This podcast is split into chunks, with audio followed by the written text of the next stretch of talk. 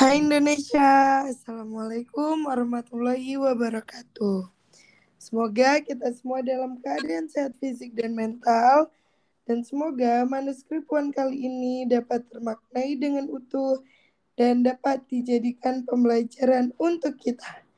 Enjoy it and let's discuss. oh sekarang am-am aja ya? Aneh nggak sih? Aneh sih. Oke. Nggak usah diulangi tapi ya. Iya. Oke, hai Nuzul, gimana kabarnya? Wah, alhamdulillah baik nih. Hmm, Makasih aku. kangen gak sih sama siniar Puan kayak udah lama banget gitu? Bener. Jadi kita tuh ada kali ya tiga kali pertemuan libur ya. Kita kayak menggagalkan janji kita sendiri gitu ya. Iya. Sedihnya. Aduh. Puan jadi ternomor dua kan eh. Mm-mm. Ya begitulah karena kita melanjutkan hidup kali ya. Tuh. Kita terlalu cepat move on. Oke, padahal Zul, Mm-mm. kita tuh mau membahas poin terakhirnya Adler gitu, tapi tertunda-tunda Ya. gitu. Sedih banget. Iya, makanya itu. Padahal ini tuh sesi terakhirnya Adler gitu loh. Berarti ini penutup untuk Adler ya. Hmm, penutup. Nah, Hmm, jadi kan kita ini udah di penutup ya kayak berarti eh, sekarang yang kita bahas itu lebih ke arah aplikasinya gitu. mm-mm, tuh aplikasi, aplikasi psikologi. Iya dong. Eh, ya. Masa aplikasi game online. masuk sih masuk. Dudul sekarang makin lucu ya. Oke. Eh, ingat nggak sih Zul? Aku di dari awal bahkan dari eh enggak enggak bukan dari awal dari eh, sebelum Adler. Iya, bahkan dari sebelum Adler itu Kaifa ada nyinggung tentang urutan kelahiran. gitu. Yes. Nanti akan kita bahas di Adler. Yes. kan selalu ini tuh sih. Bener-bener. Nah, itu tuh yang bikin hmm, kok kayak ada kresek-kresek sih Zul? Masa sih ini masih nggak? Udah enggak sih? Apa pengaruh headset ya? Iya, headsetmu palsu ya. Semua aja kak barangku pas pas lu pas lu sampean kan palsu ndak apa-apa ndak apa-apa iya emang semua barangku palsu Astaga. Ini nih, kalau anak tunggal, waduh gimana tuh iya. Jadi em, mau sedewasa apa pun anak tunggal, kalau eh, kalau apa namanya, menurut Adler, anak tunggal tuh pasti ada sisi manjanya yang eh lebih ke manjanya ini egois gitu. Jadi this is me gitu. eh nggak bisa yang lain, harus harus aku gitu. Yang kayak gitu. Katanya sih gitu. Nah, cuman eh konteks anak tunggal yang begitu itu Adler juga bilang ada situasi di mana balik lagi ya ke apa superioritanya individu atau sosial gitu. betul Nah, itu sih, itu salah satu contohnya. Jadi aku godain Nuzul tuh memang ada maksud, guys. waduh gimana tuh itu kan tadi kalau urutan kelahiran anak tunggal tuh yang Mm, tersinggung tuh Mm-mm. nah Iya. kalau Aduh, yang lain aku di sekitar anak tunggal lagi, guys. aduh Oke. Em, jadi sebenarnya kalau poin eh, apa namanya pandangan Adler eh, bukan hanya urutan lahir sih gitu. Maksudnya eh, dalam konteks keluarga ya, tapi eh, selain urutan lahir, apakah kamu anak perempuan satu-satunya? Anak laki-laki oh. satu maksudnya misal nih ya. Jadi status gender di uh, urutan uh, kelahiran itu juga berpengaruh gitu. Mm -mm. jadi misalkan gini uh, dia uh, anak pertama gitu. Tapi dari bersaudara. Nah dari bersaudara misalkan ada empat orang dia anak pertama tapi dia satu-satunya perempuan atau dia satu-satunya laki-laki. Yang tiga ini beda jenis kelamin sama dia. Kalau dia satu-satunya perempuan tiga adiknya ini laki-laki semua gitu. Mm-hmm. itu tuh juga juga berdampak. Jadi uh, tidak sesimpel kamu anak pertama kedua ketiga atau enggak enggak gitu sih anak pertama anak terakhir anak tengah atau tunggal gitu. Mm -mm. Nah, nah, oh ya. Nah, ya. kakak aja kakak. Nah, nanya dulu deh. Enggak, jelasin nah. dulu aja. Oke. Aku sebenarnya agak mikir. Nah, ku tadi apa ya? nah, tanya kan, deh tanya. Nah, ya jadi kan tadi kalau kata kakak kan itu ngaruh ya. Maksudnya kayak anak tung eh, anak perempuan satu-satunya di keluarga yang banyak cowoknya gitu-gitu. Nah, pengaruhnya mm. itu seperti apa gitu? Maksudnya secara kepribadian dia akan membentuk yang seperti apa gitu. Ini kita mau bahas yang urutan kelahiran dulu atau yang yang satunya itu yang barusan? Sebenarnya itu uh, saling sih. Gimana ya?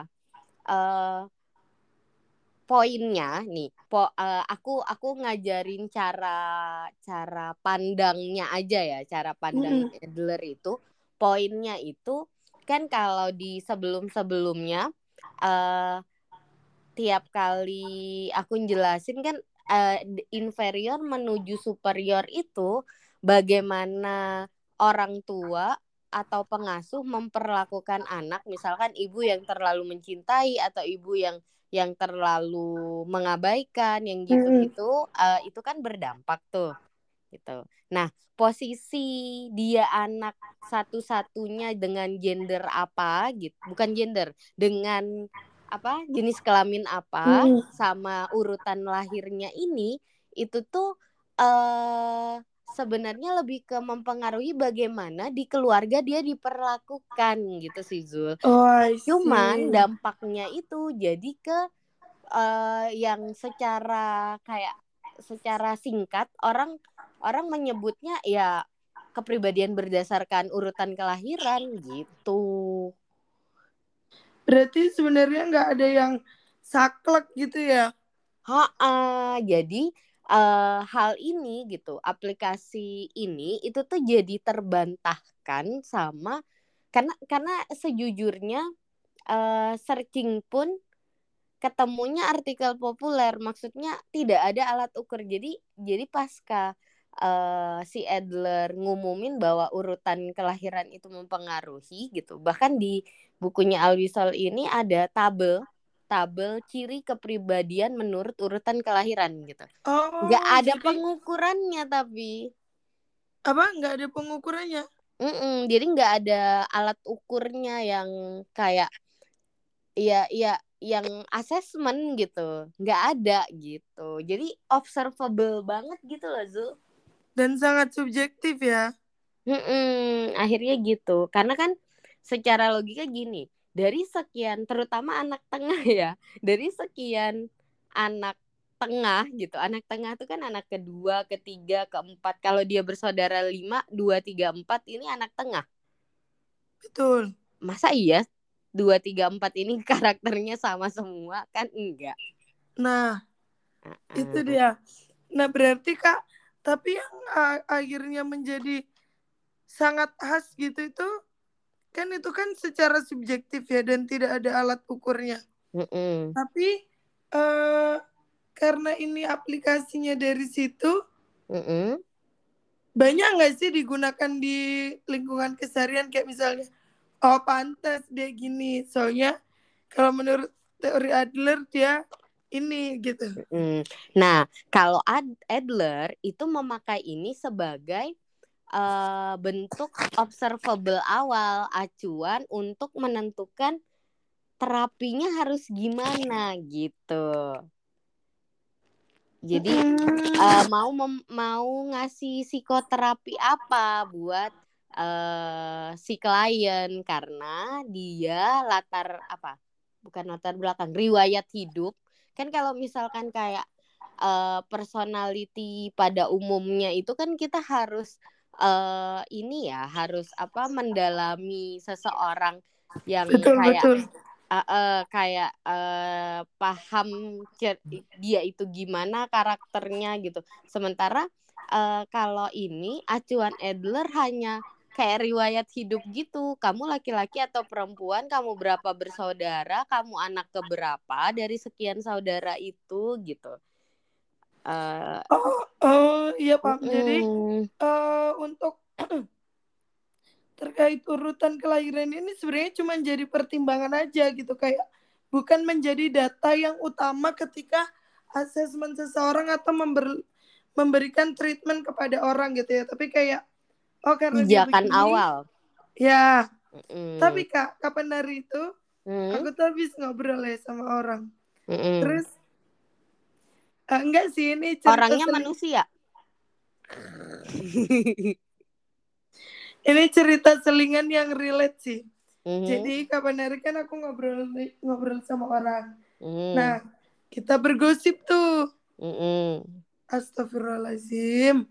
Kita apa-apa. Kayaknya mencocokkan informasi nggak sih? Iya betul, mencocokkan Hmm. informasi dari dua belah pihak gitu. Oke. Terus eh apa namanya ini membahas tentang ini sih urutan kelahiran gitu. Jadi Mm, eh akhirnya kita merujuk ke salah satu orang gitu. mm-mm. Terus orang orangnya ini ngomong gini gitu. Eh ya bisa jadi sih karena dia yang pertama faktor anak tunggal. Mhm. Terus eh kalau berdasarkan teorinya Adler, dia ini sudah termasuk ke inferioritas kompleks gitu. Jadi sebenarnya fokus utamanya itu ya narsistik itu.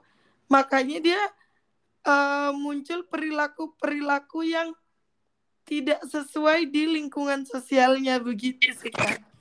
Oke, bukan tidak senonoh ya. Bukan, Oke. tidak sesuai. Nah, em, sebenarnya poin aplikasi itu dia tuh kayak eh, berlanjut gitu. Kalau di balik layar kan aku bilang di aplikasi ini ada empat poin ya. Mm-mm. Uh, Nah, jadi eh, sebenarnya urutan kelahiran ini acuan kayak tadi aku bilang kan acuan untuk eh, psikoterapi gitu, menentukan harus diapain si anak ini gitu. Betul. Eh, walaupun tetap perlu cross check cross check lagi ya, cuman eh pasca itu gitu, eh, setelah oh ya karena dia eh, anak keberapa, misal karena dia anak tunggal, maka eh, kita perlu melakukan apa gitu sama dia. Karena eh, anak tunggal itu diduga sisi egoisnya cukup tinggi kalau dia masuk ke neoritism gitu. Hmm. apa? Ya eh, inferior inferior yang eh, superioritanya eh, superiorita individu gitu. Berarti kan em, dia harus dihadapkan pada situasi situasi yang egoistik juga sebenarnya gitu. Bukan pada eh, situasi susah kalau anak yang sudah nyala egois terus disuruh kamu kok nggak bisa sih mengerti lingkungan? gitu. Kamu kok nggak peka sih? Karena dia memang Benar. begitu gitu jadi Benar-benar. jadi apa namanya meng eh, menanganinya gitu. Menanganinya ya harus dengan eh keegoisan gitu. Jadi menjadi poin yang ketiga menjadi refleksi gitu Oke. Eh, eh, jadi ma- menjadi menjadi apa kayak bahasa kasarnya menjadi cermin buat eh si anak gitu Jadi kalau dia egois maka kita kita mencerminkan diri sebagai karakter yang egois gitu. Tapi aku nggak mau kamu eh, nggak uh, mau kamu gituin. Aku tuh nggak suka. Aku tuh gitu. Dia akan melihat ih nyebelin ya orang kayak gini kok kayak aku sih gitu. Iya iya iya. Tapi mungkin uh, juga butuh waktu ya untuk penyadarannya bisa jadi dia malah ngerasa kayak ya udah dia cuma ngerasa orang itu nyebelin tapi dia tidak merefleksikan bahwasanya dirinya begitu gitu. Mm-mm. Nah, uh, poin ini, poin psikoterapi itu kan uh, adalah posisi di mana seorang klien ingin gitu memperbaiki diri, makanya dia datang ke terapis. Mm. Uh, jadi terapis gitu kan ini kan ini situasinya mengaplikasikan teori Adler ketika uh, katakanlah aku Adler gitu. Aku Adler, nuzul klien, nuzul datang ke aku. Eh, kerennya aku. nuzul nah. datang. Nuzul si anak tunggal datang ke aku gitu. Terus uh, aku lihat oh anak tunggal gitu. Terus uh, posisinya kan uh, klien ya ingin uh, kita kontraknya sebagai uh, konselor dan konseli di mana ingin eh, apa namanya memperbaiki satu hal gitu. Nah, satu hal ini yaitu dengan dengan karakter gitu, dengan acuanku. Oh, sebenarnya uh, dia mempermasalahkan ini, karakternya dia begini dan dia ternyata anak tunggal gitu. Maka sisi-sisi anak tunggal yang karakter-karakter ini itu uh, terkesan watak gitu. Sedangkan yang ina inu karang hal yang bisa dirubah, maka serang wataknya gitu. Kita harus jadi cermin pada wataknya itu gitu. Maka aku langsung uh, apa namanya uh, berusaha merebut hal-hal yang uh, Nuzul senangi karena aku ingin menembak, ingin membuat Nuzul merefleksikan diri tentang itu Diterima nggak aku nembak? Hmm, nggak hmm, gitu dong konsepnya. Oke. Okay. Aku sudah mendengarkan dengan seksama loh ini tuh aku gini. Hah? Kok jadi diterima nggak? Terus aku baru connect. iya, aku tutup dengan bercanda. Nggak lucu tapi kayaknya. Ya. ya, sedih. Nah, langsung ku lanjut ke poin keempat boleh? Maksudnya boleh. biar aplikasinya nyambung kayak kereta api gitu.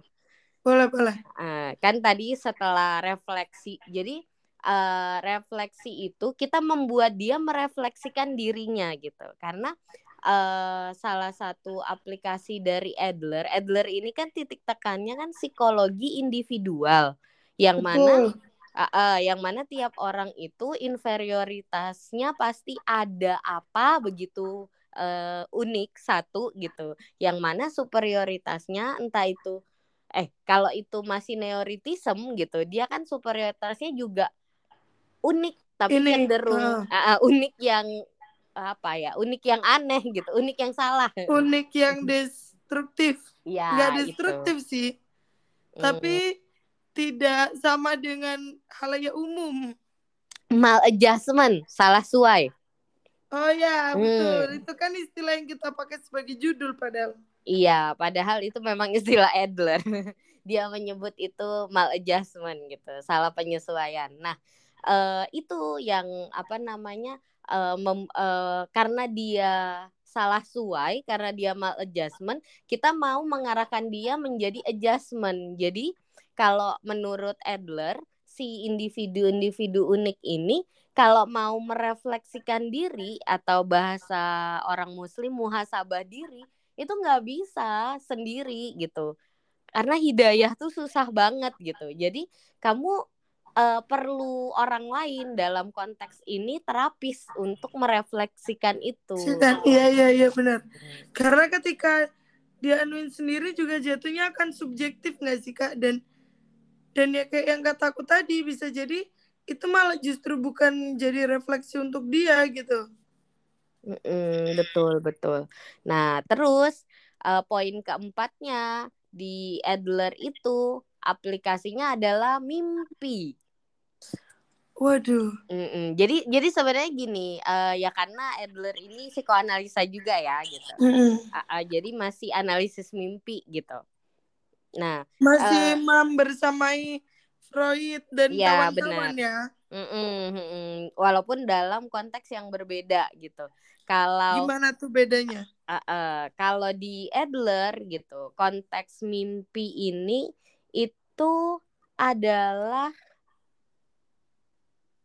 uh, bagian dari gaya hidup. Kan di di Adler ada istilah lifestyle ya kalau itu pertemuan eh pertemuan. Kok pertemuan sih? Kok jadi pertemuan? itu uh, bagian Adler yang keberapa ya? Aku agak lupa. Di Gemeinschaftgefühl nggak sih? Mungkin aku Iya, uh, iya, iya, iya. Uh -uh. Eh, enggak, enggak, enggak, bukan. Lah apa sih? Kok jadi iya enggak iya enggak? Enggak enggak. Setelah Gemeinschaftgefühl kan dia judul sendiri tuh gaya hidup. Iya gaya jadi hidup.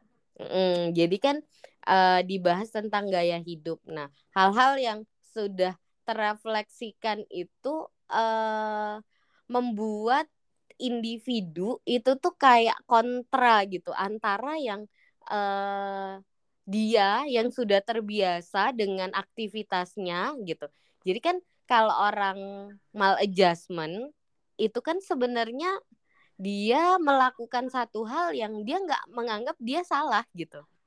Itu aktivitas benar, benar. Uh, uh, aktivitas kesehariannya tapi gitu. Begitu direfleksikan bahwa itu salah gitu. Itu harus dibenahi gitu. Hal-hal ini jadi kayak bertentangan Tentangan, dengan ya. mm, bertentangan. Jadi si egonya kesadarannya itu bertentangan maka akan muncul di mimpi.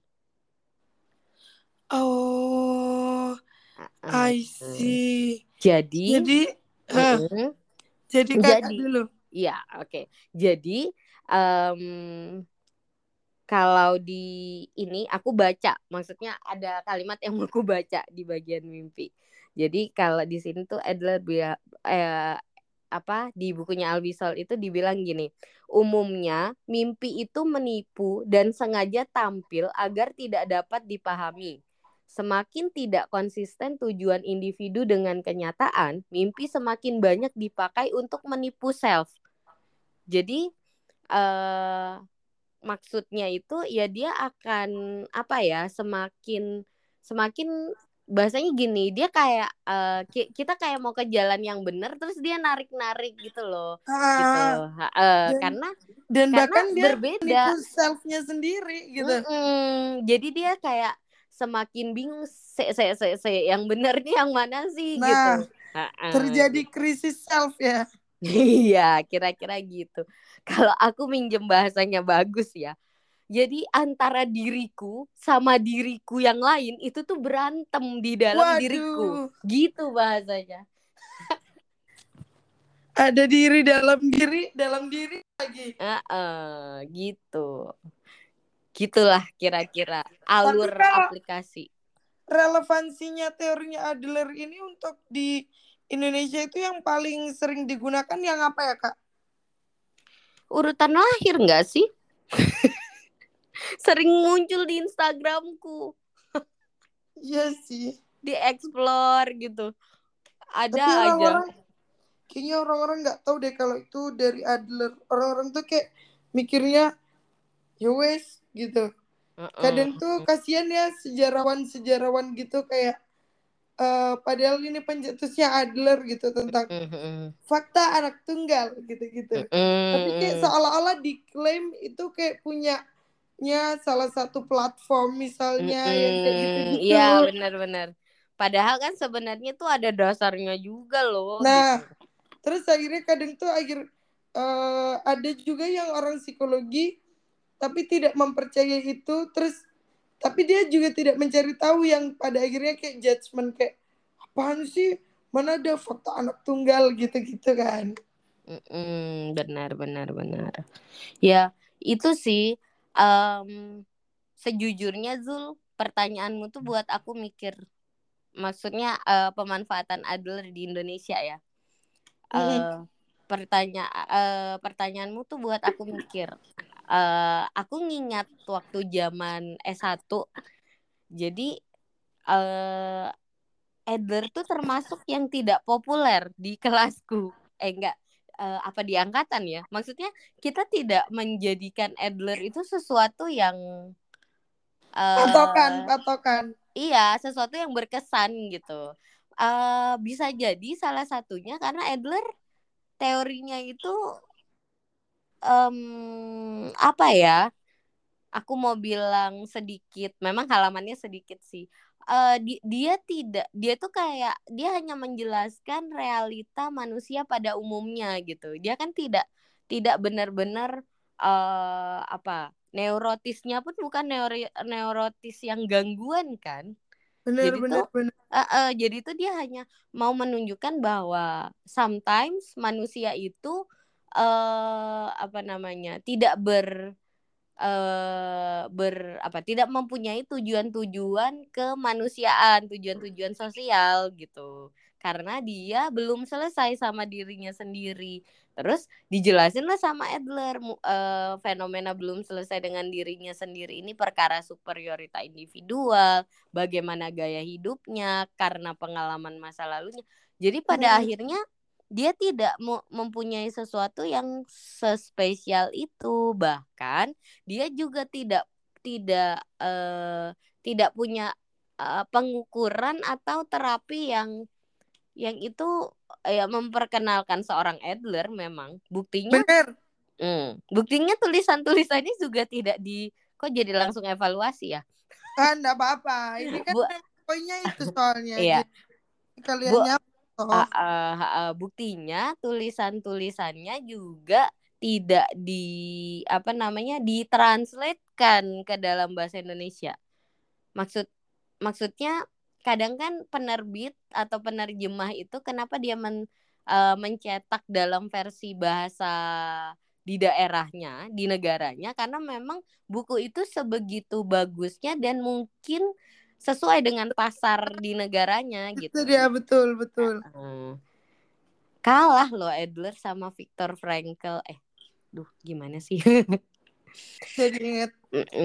Maksudnya itu uh, poinnya lebih ke apa bentuk uh, evaluasinya tuh Iya, sebenarnya masih sama sih poin evaluasi yang ini tuh kurang ilmiah gitu kan.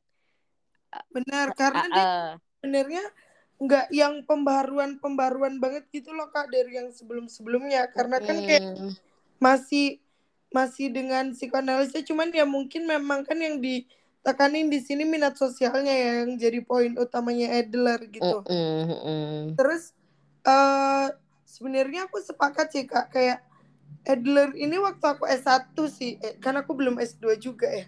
Tapi aku tuh banyak mendiskusikan Adler itu baru setelah lulus S1 malah karena mm-hmm. uh, kayak beberapa waktu itu kayak waktu aku membuat uh, misalnya nih aku membuat apa sih motivation letter gitu terus mm-hmm. nah dari situ tuh kayak aku belajar tentang uh, uh, bagaimana seseorang yang ketika dia itu semuanya itu sebenarnya terlahir inferior dan dia ingin berusaha untuk menjadi superior nah yang halal kayak gitu jadi waktu S1 tuh kayak nggak yang nggak yang khas gitu loh Idler tuh ya wes kayak cuman ya pernah denger gitu aja nggak yang sampai legend gitu nggak sih kak? Mm -mm, mm -mm. Padahal sebenarnya uh, kalau uh, itu pun aku menyadari itu setelah jadi dosen sih tapi maksudnya ketika kita ngomong inferior sama superior gitu harusnya kita langsung menuju ke Adler. Adler, iya.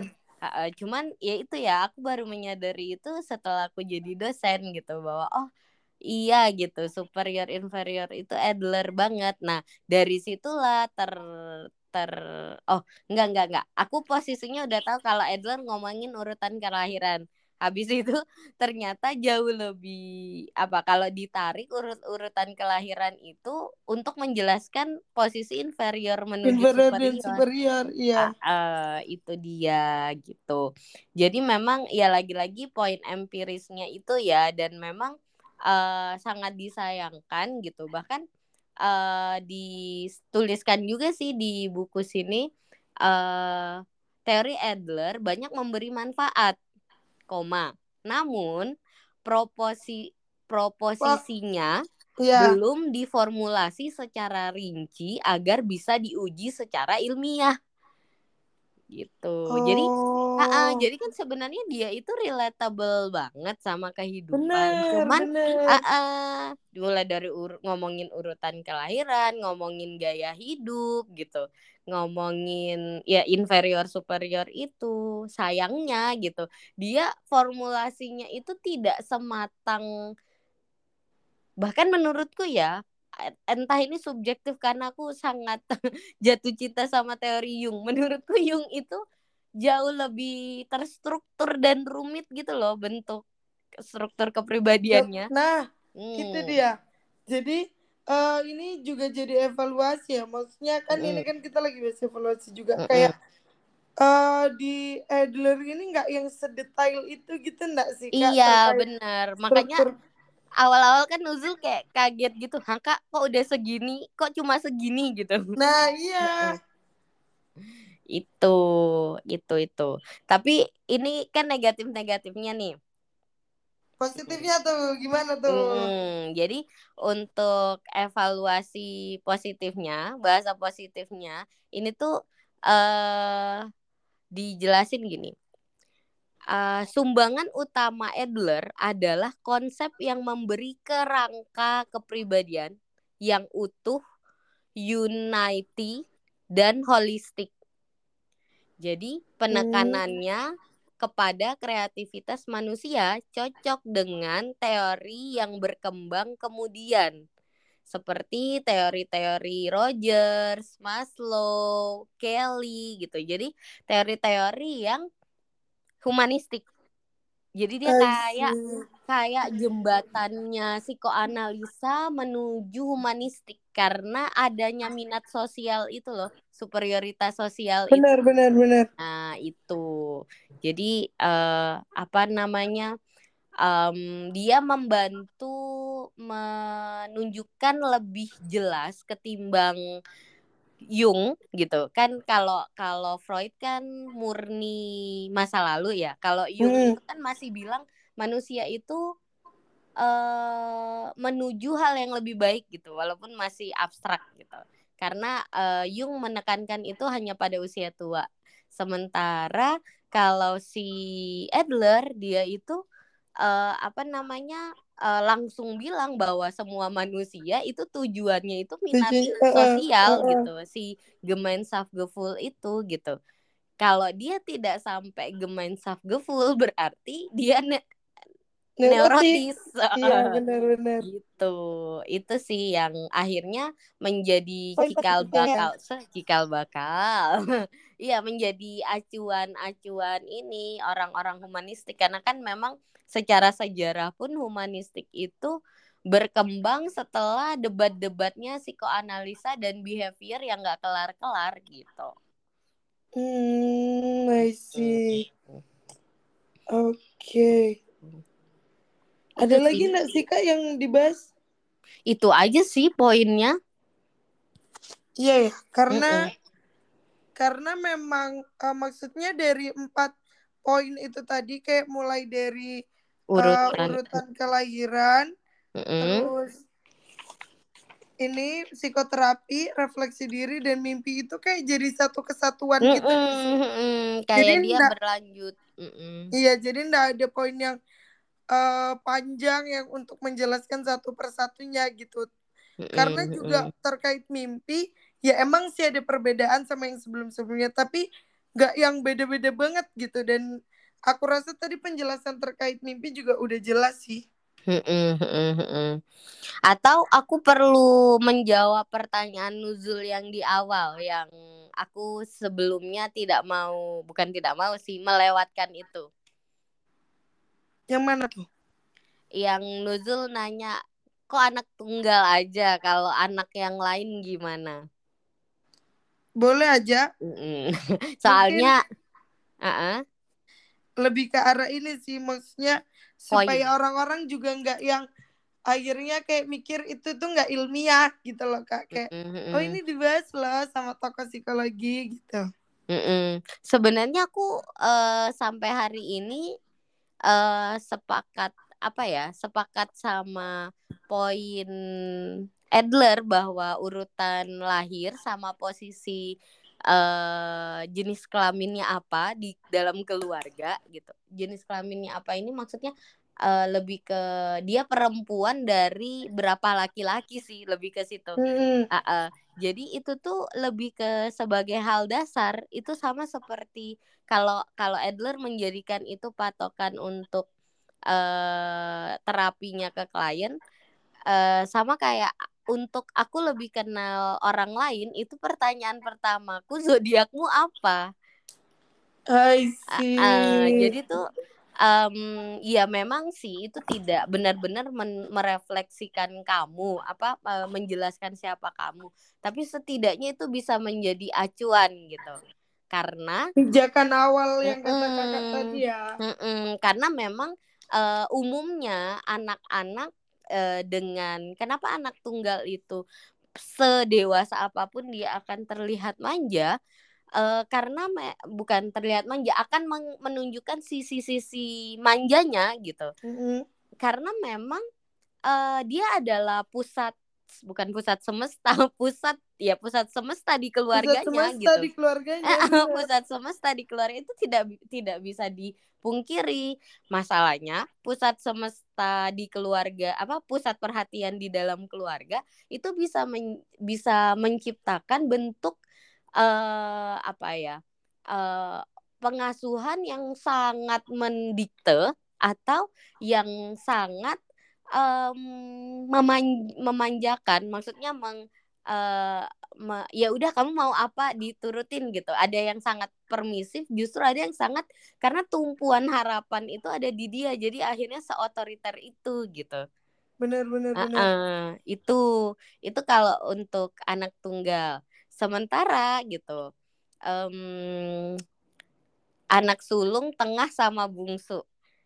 Sebenarnya aku kalau nyebut sulung tengah bungsu itu yang uh, apa ini ya kemarin itu nanti kita cerita hari ini tuh baca teori Adler ya aku kurang tahu.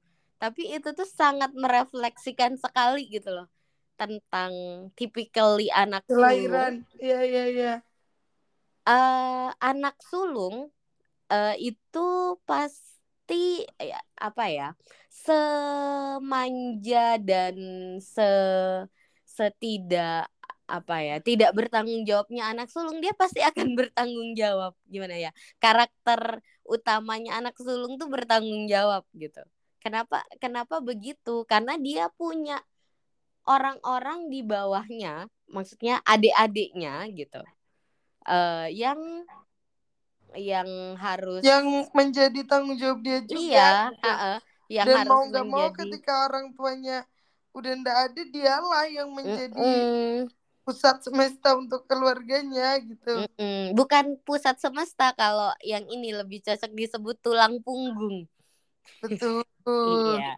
Jadi uh, semanja apa pun dia akan uh, itu gitu akan bertanggung jawab. Nah Cuman sering nggak sih uh, ada juga tuh di Instagram gitu yang kalau kakak tuh bisa aja nyuruh adiknya seenaknya gitu. Iya sering-sering uh, muncul tuh. Uh, karena memang itu adalah hak prerogatif kakak.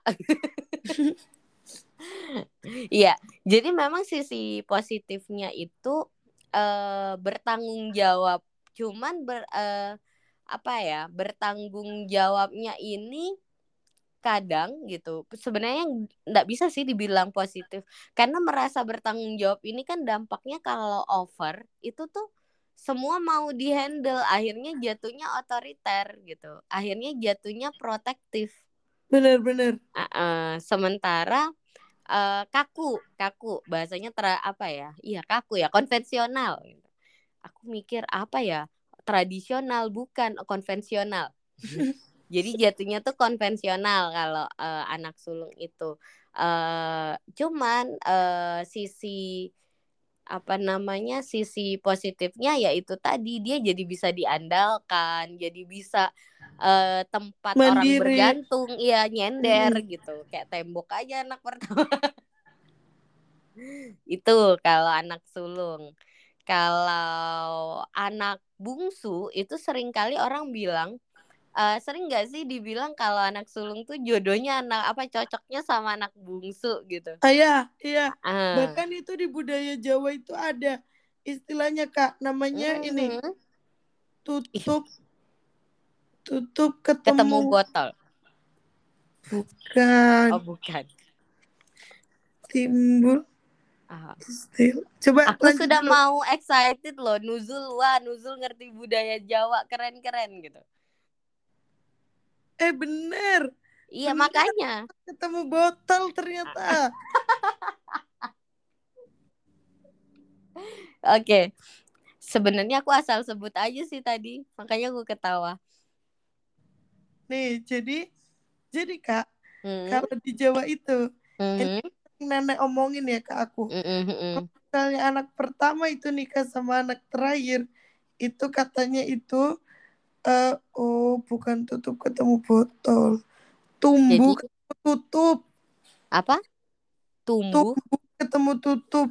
Oh. yaitu kan anak pertama dengan anak terakhir. Mm-hmm. yang mana kalau kata orang Jawa itu kalau mereka nikah itu bisa bikin kaya. Hmm. enggak itu konsep Adler kepribadian Iya kak, aku ngasih tahu doang loh. Uh, ini ini ini. Oke oke. Jadi itu uh, yang tadi aku bilang apa namanya kebalikannya anak sulung. Jadi kalau anak sulung itu ada ada sisi bertanggung jawabnya yang ya jelek juga sih kalau over gitu. Tapi uh, ya bagusnya itu bertanggung jawab itu kan positif gitu. Tapi kalau over jadi jelek gitu. Nah kalau anak bungsu itu kebalikannya gitu. Kar karena dianggap orang yang terakhir itu adalah orang yang tidak akan pernah dianggap dewasa. Nah. Oke langsung dilanjut kali ya kak ya. Tadi ada sedikit kendala teknis. Jadi dia yeah. tidak akan pernah merasa uh, oh tidak pernah dianggap dewasa begitu. Mm -mm, betul. Jadi memang uh, anak apa anak bungsu itu uh, dianggap jadi jadi orang sekitarnya akan memperlakukan dia kan dianggapnya nggak pernah dewasa tuh jadi ya perlakukannya itu ya seperti uh, anak kecil gitu yang yang uh, aku mau ini gitu. Lah nggak bisa gitu. Kamu kamu nanti nggak bakalan mampu ke situ gitu. Hmm. jadi harus uh, uh, jadi anak-anak uh, akhirnya pada akhirnya anak-anak bungsu itu akan sering tumbuh jadi orang-orang yang uh, ya udah gitu. Kamu mau apa wes tak lakuin gitu. Dan dia terbiasa dengan itu gitu. Maksudnya uh, karena uh, karena banyak karena se, se, semua orang membantu dia karena karena dia juga mau melakukan sesuatu dianggap belum bisa melakukan sesuatu gitu. Ya uh, akhirnya dia juga ke bawah gitu uh, uh, pada akhirnya dia, dia juga tidak mau berusaha. Betul dia dia uh, sering kali aku akhirnya coba melihat dan memang beberapa anak bungsu jadi mema, uh, manjanya anak tunggal itu kan manja yang uh, segala sesuatu itu milikku gitu. Mm. ya kan? Nah manjanya anak bungsu ini dia dimanja yang mana segala sesuatu itu bukan milikku. Uh, bingung nggak sih? Enggak tapi mm -mm. mungkin dikasih contoh konkret mm -mm, ya kayak mm -mm, mm -mm jadi kayak memang uh, termasuk aku ngelihat adikku sendiri ya aku ngelihat ngelihat Aan itu kan kayak posisinya kita nggak punya anak tengah ya karena dua bersaudara gitu. Aku melihat hmm, memang itu kayak kebawa di aku gitu. Kalau nggak mm, bisa tetap di mataku Anhar Mujati anak kecil gitu. Maksudnya uh, akhirnya dia akan apa namanya ya ya udahlah kalau misalkan. Jadi dia untuk pengambilan keputusan pun dia merasa aneh kalau dia memutuskan gitu. Jadi bener, pasti bener, bener. walaupun dia punya keputusan dia akan mencari pertimbangan orang-orang lain di sekitarnya gitu. Dan beberapa anak bungsu lainnya gitu selain adekku misalkan uh, aku ngeliat modelnya keponakanku atau teman-temanku yang anak bungsu itu aku ngeliat iya juga ya gitu uh, biasanya anak anak bungsu akan cenderung tidak dominan sementara anak sulung akan cenderung terlihat dominan gitu uh, sepakat uh, sih karena di lingkungan terdekat tuh juga rata-rata begitu Nah, itu gitu. Itu tuh uh, dia kayak uh, apa ya? Anak bungsu itu kebalikannya anak sulung di sisi lain. Terus uh, di sisi lain dia itu memang sama-sama menjadi pusat perhatian gitu. Tapi pusat perhatiannya jadi agak lain kalau di di anak tunggal terserah maumu apa kami kami turutin. turutin. Kalau anak bungsu uh, kamu harus nurut maunya kami apa gitu. Masalahnya kami di sini adalah anak sulung, uh, saudara-saudara nih ya. Belum lagi kalau anak tengahnya ada banyak gitu. Ada lagi orang tuanya. Jadi banyak orang yang harus diladeni. Kasihan ya. Iya. Tapi Padahal... sisi ada sisi positifnya Jul dari situ. Karena Apa tuh? Dia menjadi orang yang realistis. Benar benar benar hmm, benar. Jadi dia nggak yang yang nggak eh, nggak uh, egois gitu gitu. Dia jadi orang yang realistis ya udahlah gitu. I, i, itu bukan itu itu hanya negeri dongeng gitu. Negeri uh, dongeng uh, itulah. Gitu. Sekarang kita ke anak tengah nih. Ya boleh. Mm -mm. anak tengah itu dia adalah anak tengah itu justru agak mirip. Agak mirip sama anak tunggal egois. Oh iya. Justru bukan anak bungsu yang egois tapi anak tunggal. Kenapa? Karena kalau anak tengah kan eh ya sorry sorry. anak tengah maksudku. Uh, anak tengah. Jadi kalau anak sulung itu dia merasa uh, sebagai orang yang harus bisa menjaga gitu. Anak bungsu me merasa menjadi orang yang ya udahlah ngikut aja gitu. Uh, karena memang aku nggak diizinkan gitu mengambil keputusan mm -hmm. gitu. Aku berperan sebagai orang yang dilindungi. Nah, kalau anak tengah dia uh, posisinya karena di tengah-tengah ya, dia mau ngambil keputusan, masih ada atasnya tuh yang yang bos geng gitu dia mau uh, apa namanya menunggu hmm. menunggu keputusan tapi ada yang uh, menantikan dia gitu. Menantikan ini dalam hal uh, kalau adiknya kan pasti uh, manut dia gitu. Jadi dia berada di di posisi yang tengah-tengah gitu. Nah kenapa aku bilang uh, apa dia lebih egois daripada anak tunggal gitu karena dia akan merasa gini uh, aku uh, apa ya bahasanya aku itu nggak bisa menjadi yang paling uh, yang paling Baik. ngurusin gitu mm. kan uh, yang paling ngurusin tapi aku nggak bisa bermanja-manja gitu ya udah aku harus hidup sesuai dengan eh, jadi jauh lebih kompetitif gitu modelnya. ya udah gitu. Aku maunya gini jadi lebih ambis lebih kompetitif gitu. Makanya sisi egoisnya tuh jauh lebih tinggi. Cuma dalam hal positif ya orang uh, ambis atau orang kompetitif itu kan bagus ya sebenarnya. Maksudnya dia mm -hmm. jadi motivasi beraktivitasnya tinggi gitu.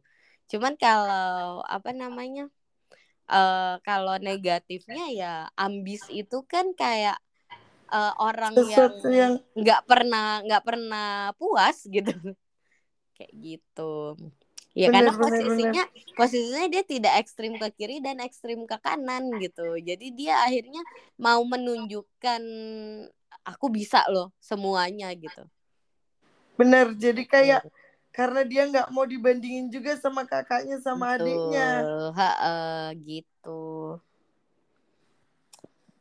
Oke, cukup terjawab sih Kak. Maksudnya secara urutan secara urutan kelahiran akhirnya terjawab juga gitu.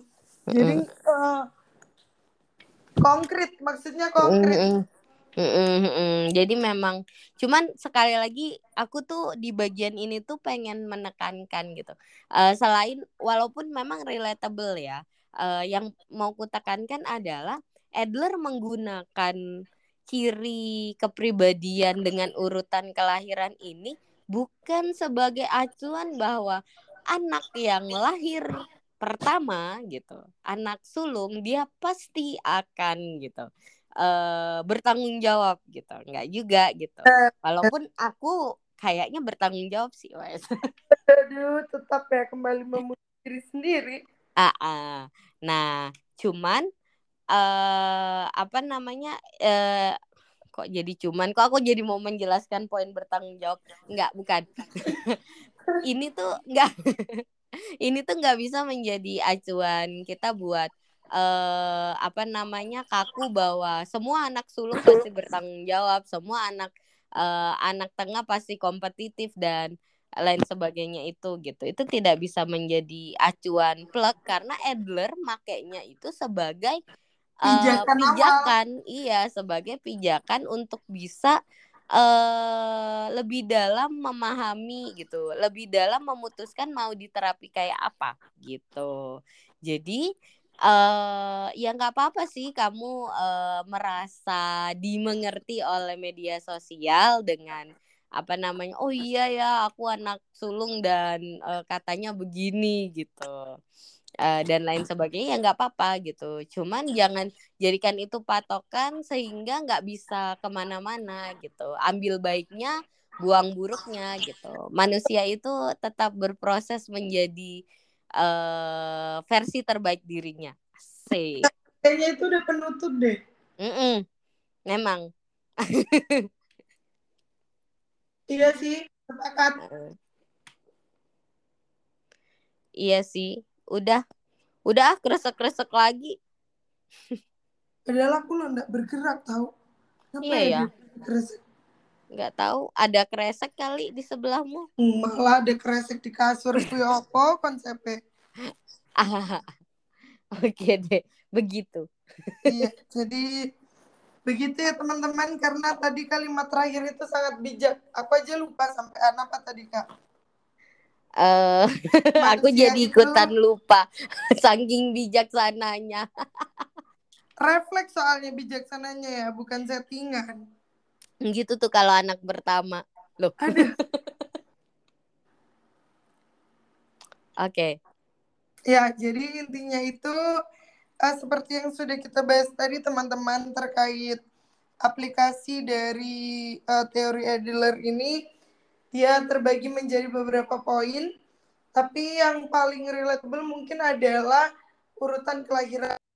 Nah yang jadi yang perlu digarisbawah bahwasanya urutan kelahiran ini tidak digunakan untuk ya apa namanya kayak eh, tolak ukur utama gitu atau pacuan utama tapi dia sebagai pijakan aja untuk uh, membantu menentukan terkait intervensi apa yang pas atau terapi apa yang pas seperti itu terus uh, selain itu ya Mhm. banyaklah yang sudah kita pelajarin ya dari Adler ya semoga uh, bisa termaknai sama teman-teman terkait uh, segmennya Adler ini dan bisa dimanifestasikan dalam kehidupan keseharian seperti itu. Se Zul, Zul. Apa? eh, biasanya kita spill untuk ke depannya, oh ke depannya. Nah, Nah, eh, jadi aku mau karena ini nutup Adler kan ya, nutup nutup Adler. Eh, sejujurnya aku agak lupa kalau nggak salah ya, kalau nggak salah inget itu sudah eh oh enggak enggak eh aku kok ngerasa kayaknya udah selesai ya yang psikoanalisa apa enggak ya? bukan Kalau aku kalau nggak salah ingat itu psikoanalisa kelar. Oh, Sebentar. enggak, astaga Eric Fromm itu masuk psikoanalisa ya. Sorry sorry. Oh iya, jadi terus kelar. kakak, kakak lagi dong. Eh, ini nantilah Mm. kita bahas di belakang panggung Iya. lah kak. Ah. enggak Oke. enggak. Eh apa namanya? Aku mau bilang gini sebenarnya sebelum masuk ke eh teo bukan teori, tokoh berikutnya gitu. Em, apa kita ujian dulu loh, bukan? Jadi Enggak, enggak, enggak. Jadi gini, jadi gini, aku mau pertama aku mau bilang sorry banget gitu karena kemarin itu kita yang sok sibuk ini membuat tertunda beberapa minggu hanya untuk menutup Adler, tapi habis itu aku mau bilang kita akan membuka tokoh baru itu di tahun depan di 2023. tuh, Nan-. Nanti di akhir aku kangen sama keresahan Puan. Sama aku juga. Ah, jadi kita eh, apa namanya jagani jagani ma- eh, apa menahan dulu untuk manuskrip kita selingkan manuskrip eh kita selingkan keresahan puan gitu. Oke, sepakat. Ah, ah, Oke. Karena keresahan Puan adalah poin utama dari siniar. Siniar puan. Oke deh gitu. Eh, itu sih Oke. skillnya. Iya kak, siap. Ya. Oke deh. Tutup dong. Oke, Kan moderator eh kok moderator sih host. kan Host, tadi host. sudah mau ditutup tapi masih ada tambahan. Oke, Jadi ya sorry bos. aku masih bersabar nih. Oke Jadi deh. eh, dan mungkin ini manuskrip terakhir di tahun ini gitu. Semoga dari beberapa tokoh yang sudah kita diskusikan bersama, semoga banyak eh, insight yang kita dapat gitu dan bisa diterapin gitu di kehidupan sehari-hari untuk orang-orang psikologi khususnya dan untuk semua orang umumnya seperti itu. Amin.